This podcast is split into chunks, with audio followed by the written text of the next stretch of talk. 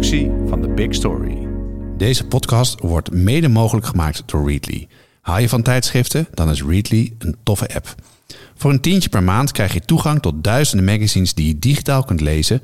Een soort Spotify voor tijdschriften. Kijk op readly.nl of zoek Readly in de App Store.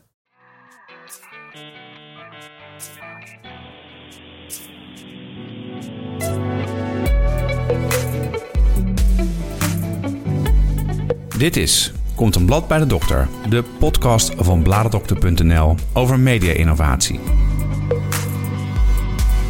Vandaag hebben we een gesprek met Janice Dull, uh, columnist, activist, adviseur en CEO van Diversity Rules. En we gaan het hebben over inclusiviteit in de media en representatie in de media.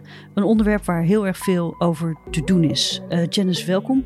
Uh, leuk dat je bent aangeschoven. Um, kun jij iets vertellen over wat jij doet in het dagelijks leven? Ja, nou Carlien, bedankt voor de uitnodiging. Ik vind het ook heel leuk om met jou dit gesprek aan te gaan. Ik, uh, ik doe eigenlijk duizend en één dingen en allemaal met het oogmerk om een bepaalde boodschap over het voetlicht te brengen. En die boodschap luidt in feite dat we de kracht van, van, van mode, maar ook van kunst en cultuur moeten gebruiken om die wereld inclusief te maken. En uh, dat we juist die, die, die media kunnen inzetten om ervoor te zorgen dat iedereen um, nou ja, zich gezien en gewaardeerd weet. Dat iedereen zich realiseert dat we met z'n allen deze mooie samenleving uh, vormgeven. Ja, en daar is echt heel erg veel aan het veranderen hè, de afgelopen tijd. Diversity is heel erg uh, hot, hè, lijkt wel. Uh, maar het is niet dat deze discussie nieuw is.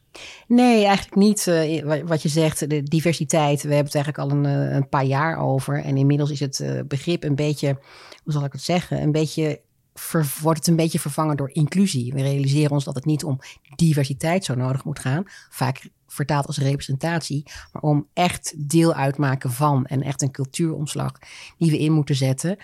Maar uh, ja, die hele, die hele discussie over, over diversiteit dan wel, die um, is al van jaren, decennia her. Ik herinner me nog dat we in de jaren tachtig een campagne hadden vanuit overheidswegen, meen ik. En die luidde letterlijk meer kleur in de media. Ik heb een oudere broer die in de jaren zeventig al een, een, een, een, magazine heeft opgezet met een aantal medestudenten, uh, Surinaams-Nederlandse medestudenten. Omdat ze vonden dat uh, Surinaams en Nederlands er in de media zo bekaaid vanaf kwamen. Ja. Dus ik bedoel maar, dat zijn de, de, de, actieve voorbeelden die ik zelf ken en jij misschien ook. Maar daarvoor zijn natuurlijk ook altijd al mensen bezig geweest met deze thema's. Ja, er zijn ook specifieke uh, uh, bladen voor minderheden gemaakt. Hoewel dat woord uh, uh, niet uh, de voorkeur heeft. Nou, we gebruiken het niet meer. Nee, nee. Ik ben nog van de oude stempel, jullie horen het. maar die hebben het wel heel moeilijk. Je hebt in het verleden wel eens bladen gehad gericht op specifieke etnische groepen. En um, dat is inderdaad is het lastig om te overleven. Omdat het natuurlijk niet makkelijk is om een blad te maken. Nee. Je hebt, hè, dat weet je beter dan wie dan ook, denk ik. Je bent er niet door elke maand of elke week of whatever een, een, een magazine vol te tikken. Je moet uh, rekening houden met distributie, met, met marketing, met um, uh, productie. Weet je, het is een, heel, een hele keten die, waarin je moet voorzien. Mm -hmm. En ik denk dus ook dat zo'n blad met name kans van slagen heeft wanneer je aanhaakt bij een grote bestaande uh, partij, bestaande uitgeverij, zodat je ja. mee kunt in, in die hele ja, in die hele cycle, zeg maar. Hoewel uh, online uh, digitale media en de opkomst van de influencers daar natuurlijk wel hele kansen in hebben gegeven. En daar gaan we het ook later ja. ook nog over hebben. Thank God voor online, inderdaad. Ja, zeker. Um, nou is het zo dat um, ik zelf vind dat het uh, een stuk inclusiever is geworden in de media. Denk bijvoorbeeld even aan reclame op tv. Ik zie, ik zie het niet vaak, maar als ik het wel zie, zie je gewoon tegenwoordig een goede uh, representatie. Dus dat betekent dat er echt iets is gebeurd de afgelopen jaren. Kun jij iets zeggen over dat kantelpunt? Ja, op dat punt is er zeker iets gebeurd. En we hebben met z'n allen het idee dat we nu, wat je zegt, op een soort kantelpunt zitten, op een soort, uh, ja, nou ja, turning point. Maar dat gevoel hebben we al een paar jaar. Mhm. En ik eh, weet dat ik zelf al een jaartje of drie, vier, vijf geleden dat dat ook al zei. We zitten op een soort, eh, we staan op een soort kruispunt. Hè? We gaan de maatschappij die we kenden, de, de, de, de cultuur, de mediasector die we kenden, die, gaat, eh, die gaan we achter we laten en we gaan op zoek, we gaan verder naar iets nieuws. Maar het duurt nog wel heel, duurt nu al heel wat jaartjes voordat die verandering ook echt beklijft, zo gezegd. Ehm, wat je zegt over de reclame, is inderdaad waar. Je ziet tegenwoordig in vrijwel elke spot wel mensen van kleur of eh, anderszins de niet standaard Nederlandse Nederlanders.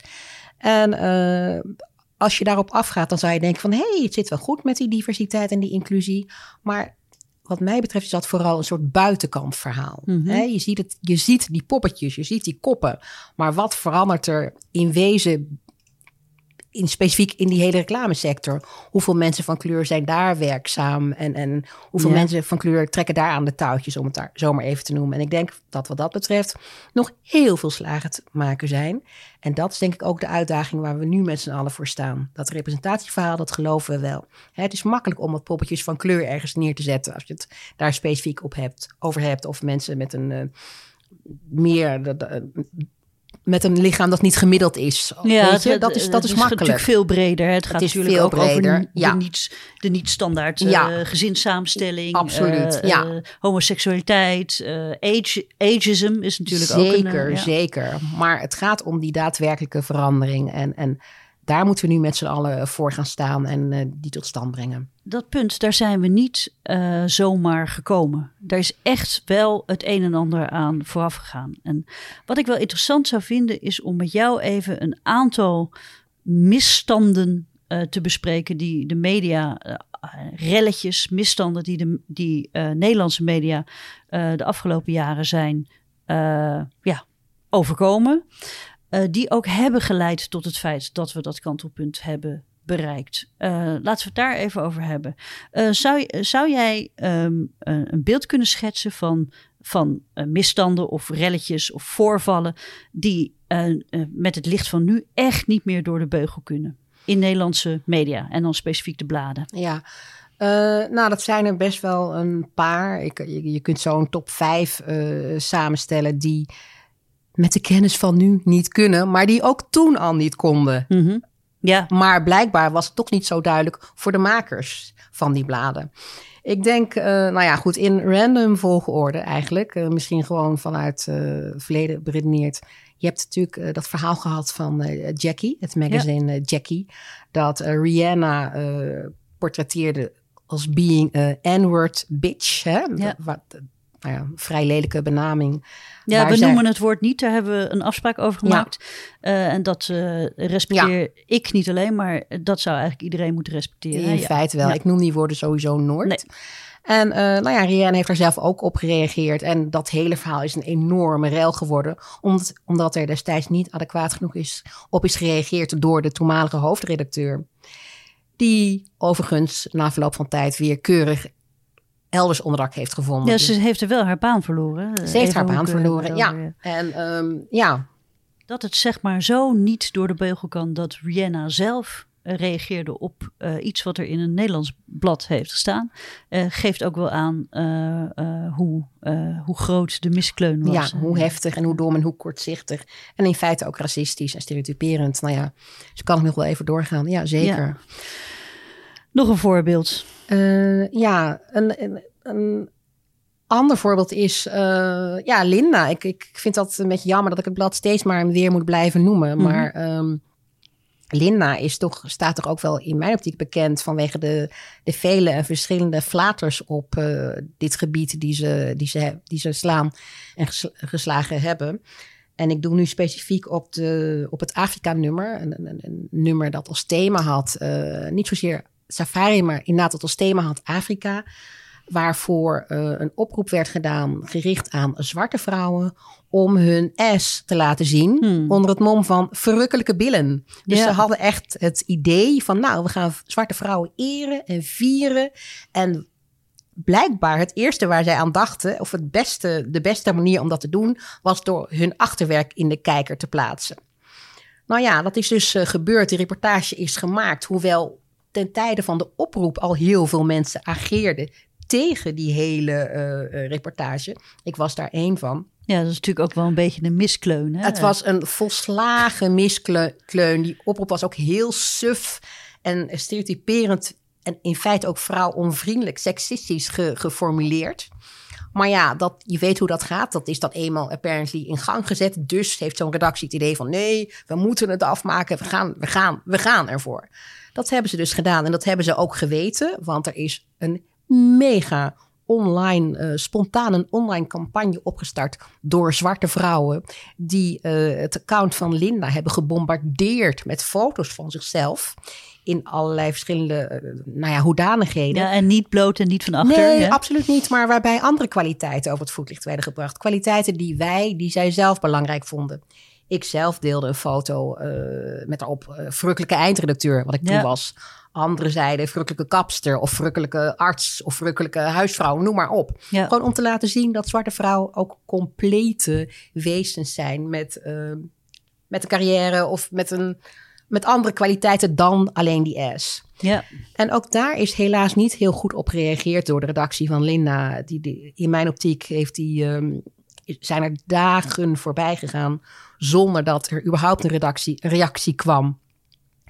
En uh, op een gegeven moment is er een beetje een half zachte reactie gekomen en is er een, ik geloof ook niet echt een goed gesprek geweest. Maar dat vind ik dan zo heel erg jammer. Dat je dan, je slaat zo'n flater kan gebeuren. Ik vind in feite niet. Maar oké, laten we zeggen dat het kan gebeuren.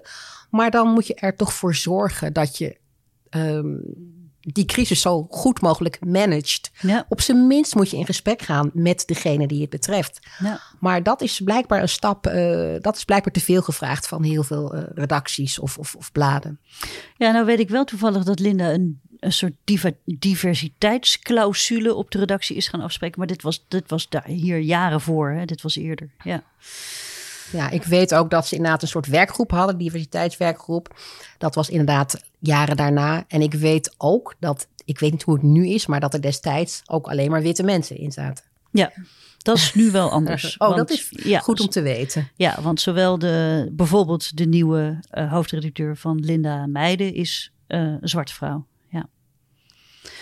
Hartstikke goed. Um, dan 2017. Dat is zo'n beetje het dieptepunt in die hele ja. discussie over inclusie. En dat is, dan gaan we het hebben over de Vogue. Ja, het was het dieptepunt, maar ik denk dat het um, heel, ook heel veel betekenend is geweest en heel waardevol.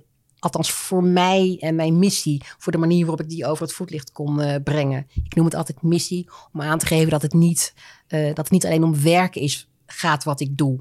En uh, ik wil daarmee geen zins zeggen dat anderen zich niet met het onderwerp bezig moeten houden. Want het is uiteraard ons aller verantwoordelijkheid. Hè? Zorgen mm -hmm. voor een inclusief klimaat op wat voor gebied dan ook. Maar um, ja, in die tijd verscheen er een interview in een vakblad. Nu ben ik heel even de titel kwijt. Dat ging over uh, diversiteit weer en zwarte modellen en modebladen.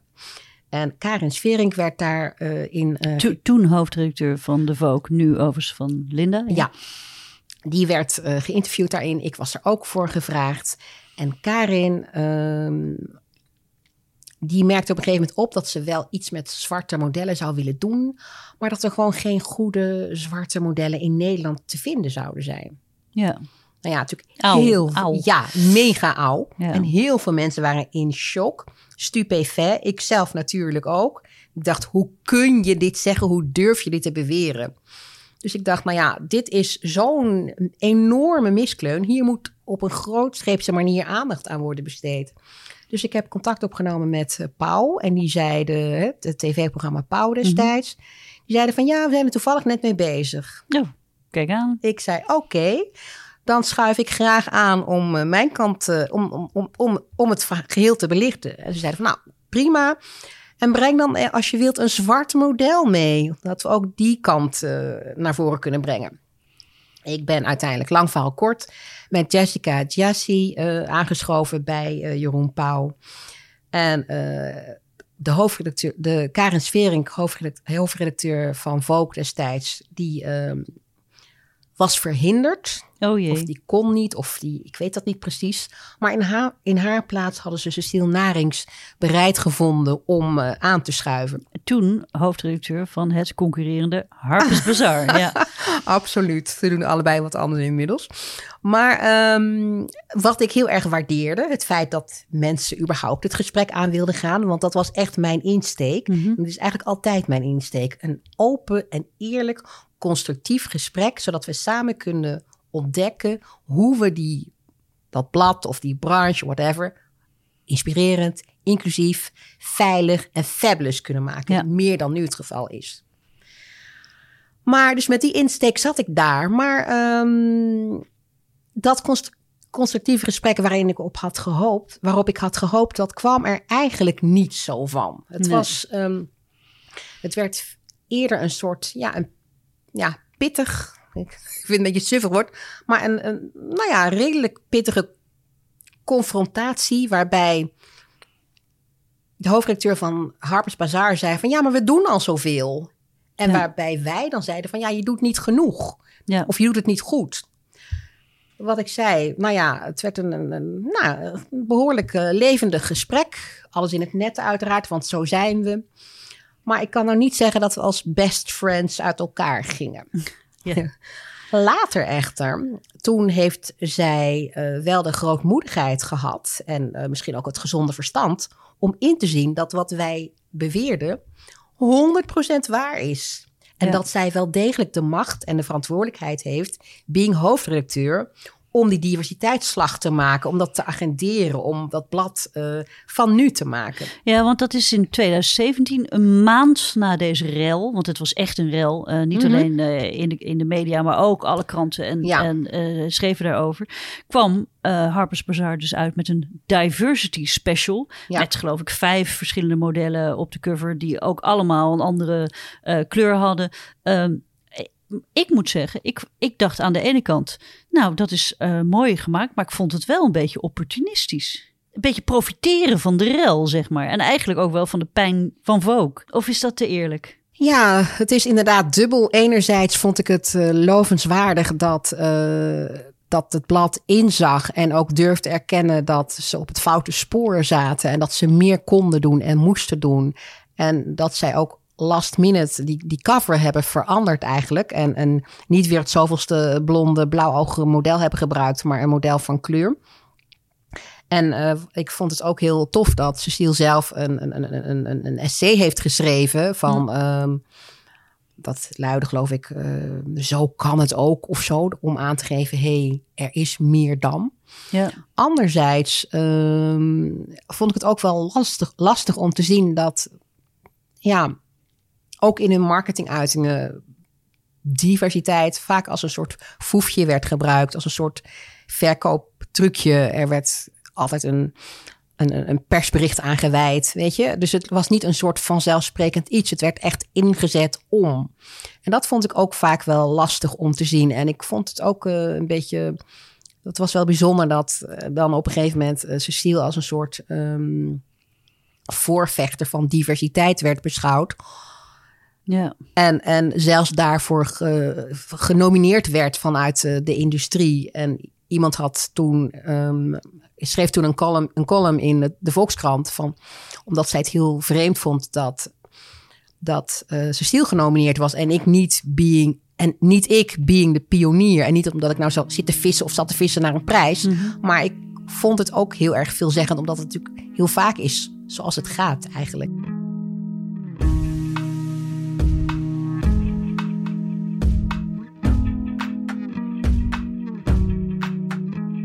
Mensen lezen vaak dezelfde media, omdat ze er fan van zijn of uit gewoonte. Maar soms is het leuk om weer eens wat nieuws te ontdekken. Voor iedereen die benieuwd is wat de bladenwereld te bieden heeft, heb ik een leuk aanbod. Je kunt Readly nu een maand gratis uitproberen. Daarmee krijg je toegang tot ruim 5000 verschillende tijdschriften. Ga naar nl.readly.com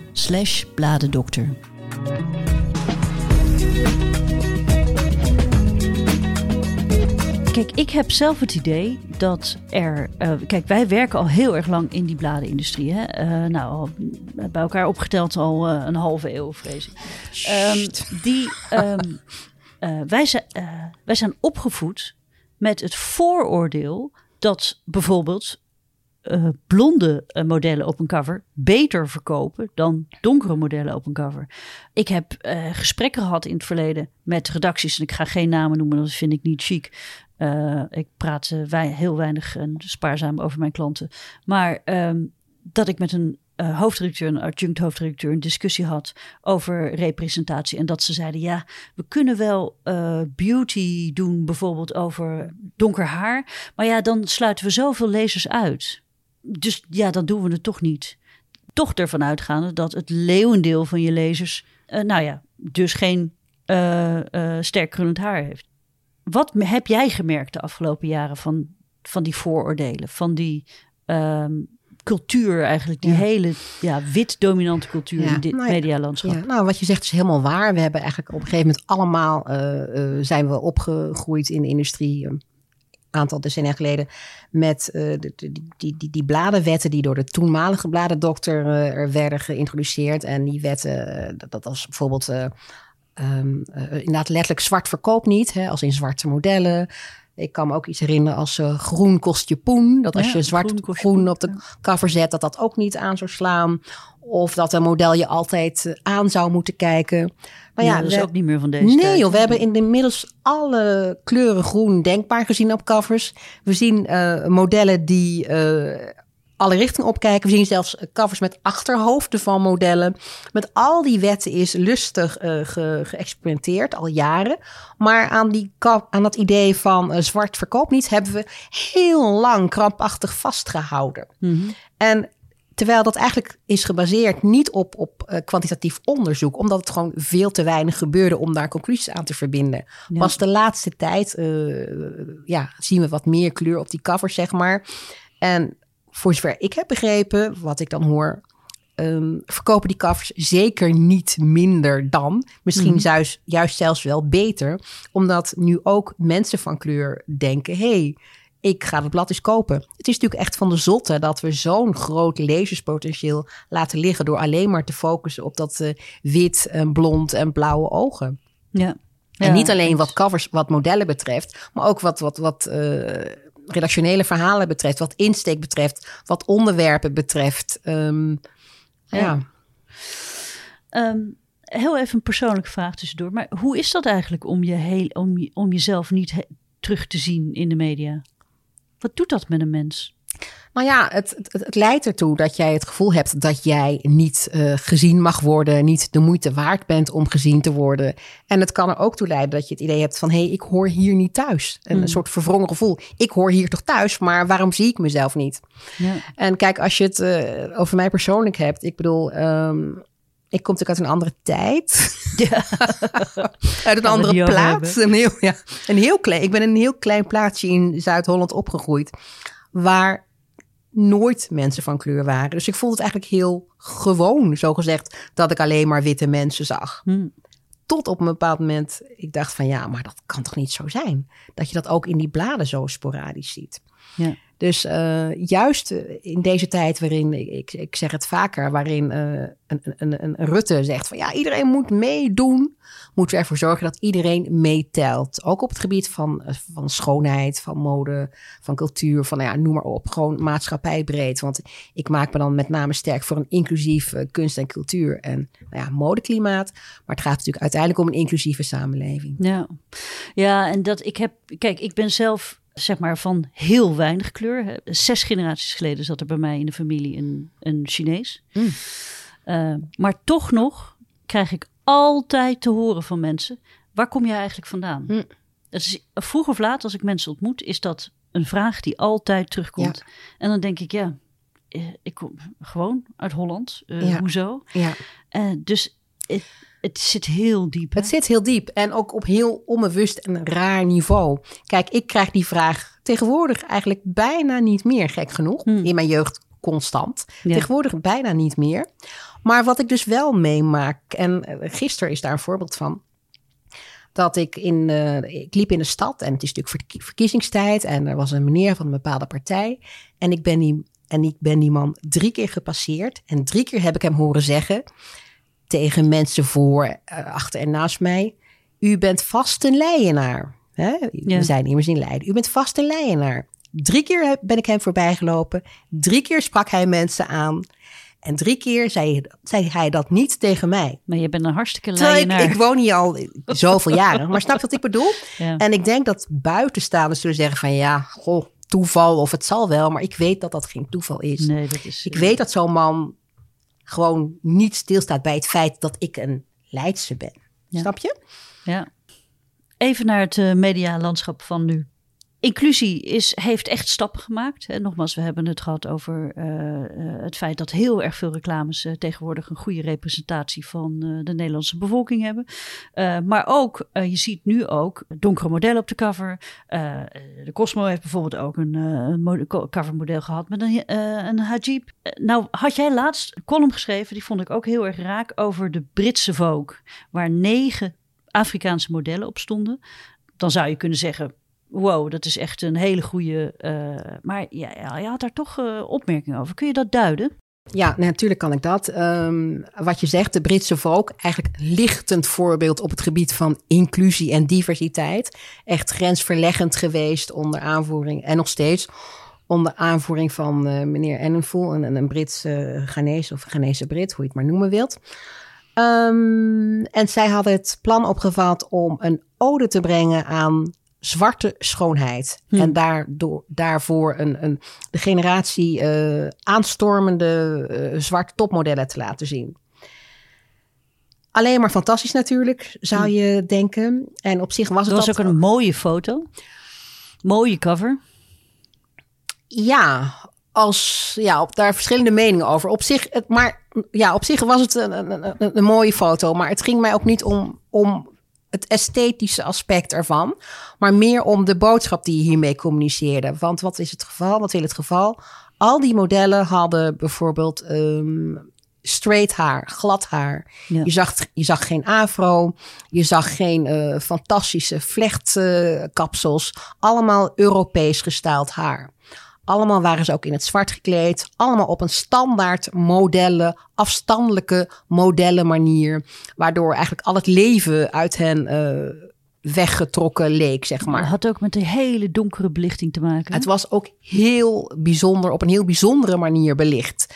En um, eigenlijk om ze misschien nog wel donkerder te maken dan ze dat, waren. Dat werd gezegd en dat is ook zo met sommige hm. modellen, dat die donkerder werden gemaakt dan ze zijn. En, en volgens anderen was het een statement om juist te laten zien, want we zien ook heel vaak het tegenovergestelde, hè, dat zwarte modellen lichter worden gemaakt. Ja, ik zie het bij mezelf ook wel eens in, in hè, dat ik lichter van huidskleur wordt gemaakt. Maar ik vond het een heel verwarrende boodschap. Als jij zwarte schoonheid wilt vieren, dan is in mijn optiek black hair uh, essentieel. Dat is zo'n wezenlijk onderdeel van uh, zwarte schoonheid van zwarte vrouwen. En um, ja, dat moet je dan ook op een manier doen die recht doet aan de individualiteit van al deze vrouwen. En er niet als klonen van elkaar neerzetten. En eigenlijk als een soort diapositief ja. Uh, of ja, van het standaardbeeld dat we altijd in de mode zien.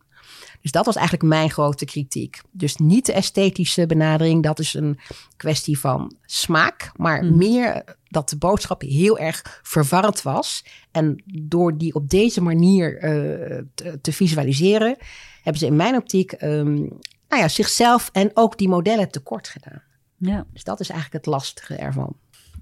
Uh, een belangrijk deel van jouw werk is om organisaties en uh, uitgevers ook hierover te adviseren. Uh, zou, zou, jij hier in deze podcast advies kunnen geven aan redacties die hier mogelijk over nadenken of werk van willen maken? Ja, kijk, als je redactie ehm, inclusief en divers is, dan gaat het volgens mij vanzelf. Hmm. En dan bedoel ik niet dat je ergens een paar poppetjes van kleur neer moet zetten. Want zodra, zolang het systeem niet verandert en het, het redactieklimaat niet verandert, verandert er niks. Maar zolang het niet het geval is dat mensen op een redactie echt heel erg verschillen, moet je daar actief actie op ondernemen. je moet daar beleid voor ontwikkelen. En je moet die boodschap, dat is denk ik het aller, aller, allerbelangrijkste, die moet uh, gedragen worden en, en, en, en verspreid worden door de hoofdredacteur, door de uitgever. Je moet van bovenaf beginnen, ja. denk ik. En um, je moet ervoor zorgen dat, nou ja, desnoods ga je werken met lijstjes. Want als iets nog geen automatisme is, dan wordt het dat vanzelf wel door op zo'n manier te gaan werken. Er zijn heel veel trainingen, heel veel cursussen. En uh, ik denk dat een open mind het belangrijkste is, maar je moet wel concreet beleid hierop maken. Ja. Je moet net zoals je um, cover, uh, als je regels hebt waaraan een cover moet voldoen, moet je ook eigenlijk ja, noem het maar diversiteitsregels hebben. En dat moet vervat zijn in het hele productieproces en in het hele eh, klimaat, in het hele systeem. Dus het is niet iets uh, waarvan je zegt van oké, doe dit en we zijn er. We zetten één keer een donker model op de cover en we kunnen het afvinken, we zijn klaar. Nee. nee, je moet daarin investeren, je moet daar echt beleid voor maken, je moet daarop blijven acteren, je moet het blijven monitoren. En je moet er echt voor zorgen dat het vanuit de, de, de, hoofdredactie, de uitgeverij, wordt uitgedragen en wordt ondersteund en gefinancierd natuurlijk. Ja, een handig hulpmiddel, en dat vond ik een hele goede. Dat is vorig jaar uh, gelanceerd, was de code diversiteit. Um, daar hebben we uh, overigens op bladendokter.nl een heel lang verhaal over geschreven. Uh, want het is niet alleen representatie, maar het is bijvoorbeeld ook taalgebruik dat aan verandering en cultuur is ja. onderhevig. En sommige dingen kun je gewoon niet meer uh, schrijven. Hè, bijvoorbeeld het feit uh, dat je er vanuit. En dat is veel breder dan natuurlijk alleen kleur. Hè. Um, maar bijvoorbeeld het feit dat je het N-woord niet meer gebruikt. Of bijvoorbeeld dat je het niet over uh, uh, slaven hebt, maar tot slaafgemaakte. Uh, maar ook bijvoorbeeld dat er in sommige verhalen, journalistieke verhalen, als soms nog wel het traditionele man-vrouw patroon naar boven komt. Ja, en ook het simpele feit dat, dat er slechts twee genders worden onderkend. Ja. Hè? Ik bedoel, dat, daar, daar wordt ook heel vaak voetstoots van uitgegaan. En uh, wat je zegt, uh, woorden doen ertoe, words matter. Dus dat is zeker ook een aandachtspunt en een onderdeel van dat hele veranderingsproces, inclusief uh, taalgebruik. En dat is dan soms een beetje een lastig proces en een beetje moeizaam en het voelt soms een beetje geforceerd aan. En dat is, uh, nou ja, oké, okay, vind ik. Weet je, we, we, we moeten met z'n allen wennen aan die veranderende realiteit. Mm -hmm. En uh, dus we moeten die zoektocht eigenlijk gezamenlijk ondernemen. En uiteindelijk komen we wel tot een, tot een taal, tot een, een, een, een nieuwe taal die past bij die nieuwe bladen en die nieuwe tijd die we met z'n allen tegemoet uh, gaan, hopelijk. Ja. Welke bladen vind jij nou, of mediamerken, vind jij nou die het heel erg goed doen?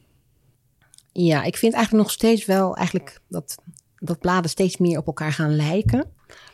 Maar ik heb goede hoop, als ik het zo mag zeggen. Ik vind uh, ja, goede hoop op de, op, op, op de nieuwe, op de nieuwe Vogue. Ja, net uit. Ja, ja. net uit. Uh, onder, onder hoofdredacteurschap van Jelise Sicek. En um, ik zie dat zij echt haar best doet en zich uh, bewust is van het feit dat de toekomst in inclusie ligt. Niet alleen de toekomst, maar ook het heden. Dat de, het publiek in Nederland, de gemiddelde Nederlander, hè, zoals die was, die is al lang niet meer. Een heel groot percentage lezers, potentiële lezers, jonge lezers, steeds groter deel wordt. Uh, ja, multiculturele, zal ik maar zeggen. Ja, natuurlijk. En de hele maatschappij wordt multiculturele, als je dat woord wilt gebruiken. Zij, houdt, zij uh, geeft zich daar rekenschap van. Heeft ook een hele mooie, gevarieerde uh, redactie samengesteld. Ja. En um, wat dat betreft heb ik echt goede hoop. En ik denk dat het zeker ook ingegeven wordt door het feit dat zij zelf uh, van Turks-Nederlands, dat zij zelf Turks-Nederlands is. En ik denk dat mensen met een biculturele achtergrond, zoals we dat dan noemen, um, die zijn van huis uit al gericht op inclusie. Die ja. houden altijd al rekening met het feit dat niet iedereen is zoals zij, vaak noodgedwongen. Witte Nederlands hebben dat nooit hoeven doen eigenlijk. En die doen dat dus ook niet uit zichzelf. Die moeten daartoe aangezet worden of hen moeten de ogen daartoe worden geopend. Dus ik heb echt hele goede hoop op, uh, op, de, op de nieuwe Vogue, Vogue Nieuwe Stijl. En ik vind dat El ook eigenlijk altijd wel eh, redelijk goed eh, bezig is. Ja, zeker. Goed om even aan te halen. Als voorbeeld hoe het dus niet moet, is, vind ik, het schandaal bij Bon Appetit. Dat is de culinaire magazine, platform van Condé Nast in Amerika. Dat was in 2020. Toen is er een podcastserie gelanceerd van Reply All over de gang van zaken op de redactie. En daarin vertelden verschillende medewerkers over een hele toxische werkcultuur. Waar medewerkers van kleur echt systematisch werden opgezadeld met, ja, met alle kutklussen, zeg maar. En mooie reportages, ja, die gingen altijd naar de mensen waarmee de hoofdredacteur het best bevriend was. En dat waren dan toevallig, of ja, juist niet toevallig, ook de mensen die het meest op hem leken. En dat was natuurlijk een, een, een wit, ja, wit man. Ehm, er is toen binnen de redactie een, een soort protestactie ontstaan, een soort revolutie, uh, geleid vooral door medewerkers uh, van kleur. En die heeft uiteindelijk ook geleid tot het ontslag van de hoofdredacteur, uh, een nieuwe bedrijfscultuur, maar ook een nieuwe koers van het blad. Het, ik zal de link naar deze podcast op de site zetten, want het is echt een aanrader om dat eens goed terug te luisteren. Nou, een voorbeeld hoe het niet moet. Ik wil ook graag een voorbeeld geven van hoe het wel moet.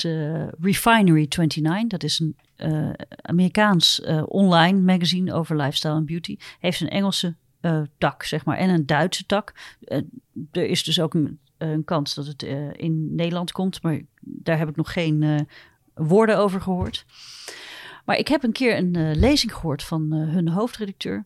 En die vertelde over ehm, het, zij gebruiken heel veel stokfotografie. Want online mediamerken, ja, tegenwoordig wie niet zou je zeggen. Mm -hmm. um, en dat zij op een gegeven moment aan de bel is gaan trekken, omdat zij vond dat het allemaal te um, ja, uh, run of the mill is. Um, uh, veel te ja, eenheidsworst in die uh, representatie op het platform. Toen zijn ze een eigen stokfotografie gaan maken. En die overigens is te kopen bij Getty Images. Dat is nog het allerleukste. En daar hebben ze modellen geselecteerd die er gewoon anders uitzien. Uh, dus die uh, voller zijn, uh, die bijvoorbeeld littekens hebben of onder de sproeten zitten, maar ook misschien wel met paars haar, ja. onder de tato's. Ja. Alle kleuren van de regenboog ook nog eens. alle leeftijdscategorieën, ja. want dat ageism is natuurlijk ook Zeker. een dingetje. Um, en daar hebben ze een hele serie stokfotografie van gemaakt. Um, en dat uh, bij Getty Images ondergebracht. Nou, dat vond ik echt een super tof voorbeeld. Ja, ik vind het ook een heel tof voorbeeld. En jij zegt nu die er anders uitzien. En dan denk ik altijd, ja, anders dan wat dan of dan wat? wie. Ja, nou, kijk, dus die gewoon heel, heel divers, veelzijdig. eh, Ja. ook, ook qua, qua gender en qua, qua ehm, relatie, eh, verhouding onderling. Dus ik, eh, ja, ik ben ook heel erg fan van die, eh, van die database. Ja. Ja, een ander voorbeeld, dat vertelde ze ook op dat congres. wat ik, dat was een congres en ik sprak haar daarna. Eh, toen vertelde ze dat er een, ehm, een blogger was eh, en die eh, was van Koreaanse afkomst. En die zei, ja, ik zou heel erg graag een beauty-rubriek willen beginnen over beauty voor Koreaanse ogen. Want Koreaanse ogen hebben nou eenmaal andere opmaak nodig, Mhm. letterlijk opmaak, maar ook een andere samenstelling. Ehm, dat is een enorm succes geworden. Eh, een super kleine niche, maar heel erg internationaal eh, interessant. Omdat er natuurlijk een hele grote eh, gemeenschap is wereldwijd die eh, ja, toch daar inspiratie in op wil doen. Eh, terwijl negen van de tien andere hoofdredacteuren zou zeggen: ja, maar dat is mij te niche hoor, mij te klein, doe maar niet. Nou, dat vind ik ook wel het mooie aan dit medialandschap. eh, is dat die, ja, die segmentatie gewoon heel groot is. Hè? Je hoeft niet meer iedereen blij te maken. Hè? En de grootst gemene deler te nemen als leidraad voor je redactievoering. Maar je kan echt enorm gaan segmenteren en die niche duiken. Want ja, die algoritmes weten dat dan toch wel op de ju- juiste plek eh, Ja. af te leveren, hè, bij wijze van spreken. Ehm, dus dat eh, zou mijn advies dan zijn aan eh, mediamerken. Schuw dat gewoon niet. Doe dat gewoon. Juist om jezelf te onderscheiden, zou ik bijna willen zeggen. Anders wordt het helemaal zo'n eenheidsworst. Ja, zeker weten. Ja. Nou ja, als ik een, een afsluitend advies zou moeten of mogen geven aan, aan mediamakers, zou dat zijn. Ja, dat diversiteit. Ik heb het net al een beetje benoemd. Inclusie, diversiteit. Dat is niet een kwestie van poppetjes. Niet alleen een kwestie van poppetjes. Het is een kwestie van beleid. Het is een kwestie van, van, van algeheel klimaat. Het is een kwestie van uh, cultuur op de redactie. Het is een kwestie van openheid, van transparantie, van veiligheid. Het kan ook niet zo zijn dat jij mensen binnenhaalt vanwege een bepaalde kwaliteit. Het feit dat zij van kleur zijn, een, een, een, een, een religieuze achtergrond hebben die nog niet vertegenwoordigd is binnen de redactie. En dat die mensen vervolgens niet weten hoe snel ze eh, je blad of je bedrijf weer moeten verlaten omdat er geen ruimte is voor het specifieke geluid. Dat is namelijk wat we toch nog steeds wel heel erg vaak zien. Dus dat is echt uh, verspilling van, van, van kwaliteit. En uiteindelijk uh, van geld. En ik denk als je juist openstelt en die mensen de ruimte geeft om te laten zijn wie ze zijn, dat dat een verrijking is van je blad, van je krant, van je, van je programma. We moeten diversiteit, zeg maar, die, die multiculturele biculturaliteit zien als een extra, als een pluspunt, als een extra verworvenheid en niet als, een, um, als iets wat negatief is. Ja. Uh, Janice, ik wil je heel erg danken voor dit gesprek. Ik wil de luisteraars ook nog verwijzen naar een eerdere podcast uh, die ik heb opgenomen met Madeleine van het Nieuwe Huis, waar ook dit onderwerp ter sprake is gekomen. En uh, om nog eens te benadrukken hoe belangrijk dit onderwerp eigenlijk is. Janice, bedankt. Dit was Komt een blad bij de dokter, de podcast van bladerdokter.nl. Elke maand hebben we nieuwe gesprekken met bladermakers en hoofdredacteuren over de ontwikkelingen in het vak. Op bladerdokter.nl kun je alle gesprekken terugvinden, of beter, abonneer je via Apple Podcast of Spotify. Bladerdokter publiceert elke maand een nieuwsbrief met interessante artikelen over magazines, vol nieuws, achtergronden en analyses. Je kunt je inschrijven via bladerdokter.nl.